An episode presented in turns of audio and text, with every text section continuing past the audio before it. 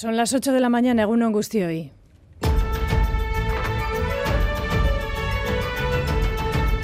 Crónica de Euskadi con Aichiber Bilbao.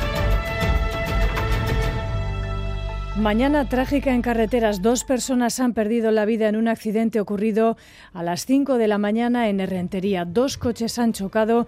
Entre todos los ocupantes hay, como decimos, dos personas fallecidas y cinco heridos. Enseguida les ampliamos esta información.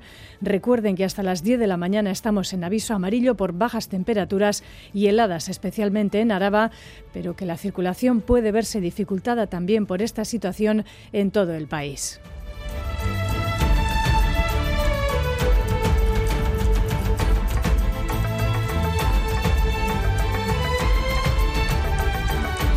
Primera entrevista hoy del, Lendakari Íñigo tras conocerse que será relevado en la candidatura al Lendakari por su partido de cara a las próximas elecciones autonómicas. En declaraciones al Grupo Noticias, Íñigo Urcullu reitera que el Partido Nacionalista Vasco ha tomado la decisión de no contar con él y elegir a Manuel Pradales con la libertad de la que goza la formación, y así lo asume.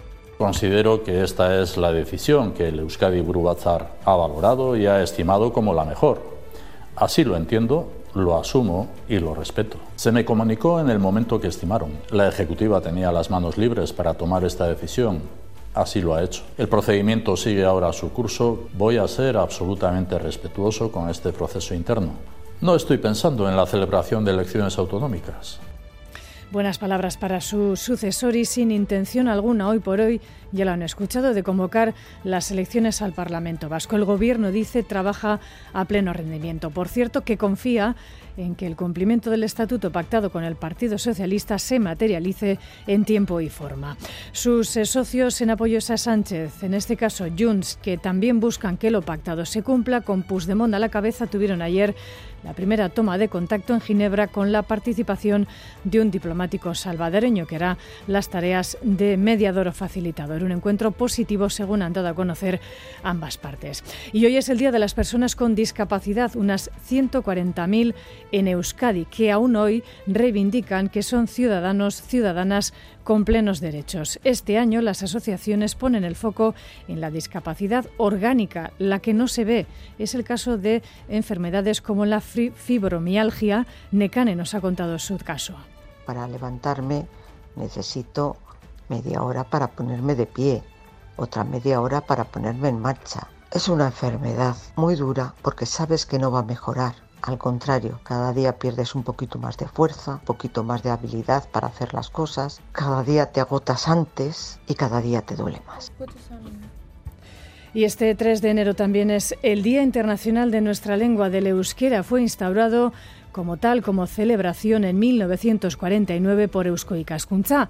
Pocos ámbitos como el versolarismo ilustran la belleza de nuestro idioma y hoy felicitamos a Julio Seto, ganador ayer de Nafarroako Versolaritza Chapelketa. Este era su agurra. Naiz motiborik ez dugun ematen Nik esperantza dut egunen baten Justizia hasiko dela egan. Justizia hasiko dela egan.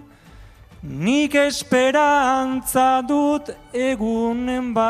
Las 8 y 4 minutos de la mañana vamos ya con el avance de la información deportiva. John Hernández, on. Egunon Bay, Osasuna y Real Sociedad empataron a 1 anoche en el derby del Sadar con goles de Moy Gómez y de Umar Sadik, mientras que el Athletic derrotó por 4-0 al Rayo en San Mames. Hoy es turno para el Deportivo Alavés, que juega en Mallorca a las 2 de la tarde y en segunda la Morevita recibe al Burgos en Lezama a partir de las 9 de la noche. En baloncesto, en la Liga CB, el Surne Bilbao Basket visita al Valencia a las 5 y a las 6 y media juega el Vasconia en Badalona. Además, tenemos derby en Liga Femenina Endesa, en Maloste a las 12 del mediodía, lo Intec Guernica, Cuchabank, Araski. Mientras tanto, ayer derrota del IDE Euskotrenante Perfumerías Avenida por 61 a 65 y triunfo del Guki Puzco Basket en Logroño por 55 a 76. En pelota hoy juegan en Mayavia el Ordi Rezusta ante Ezcurdia y Tolosa. Ayer victoria de Peyo Chévere y Zabaleta en Estella por 22 a 9 ante Lezcano y Martija. Y por último en balomano triunfo anoche también del Vidaso Irún ante el Huesca por 31 a 24.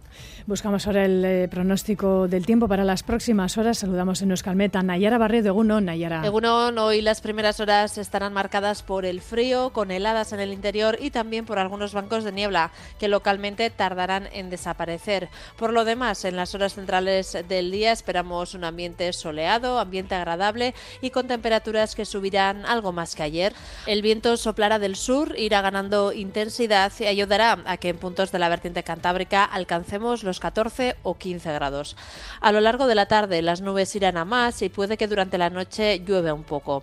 Además, el viento del sur se intensificará aún más con rachas muy fuertes a últimas horas. Por lo tanto, hasta la noche no esperamos lluvia y después de un inicio frío las temperaturas se suavizarán un poco. El viento del sur será destacable también y será especialmente intenso de cara a la noche. Un saludo de las compañeras y compañeros de esta crónica de Euskadi fin de semana. En el control técnico Joseba Urruela y Aser Aparicio son las 8 y 5 de la mañana. Comenzamos. Crónica de Euskadi con Aichiber Bilbao.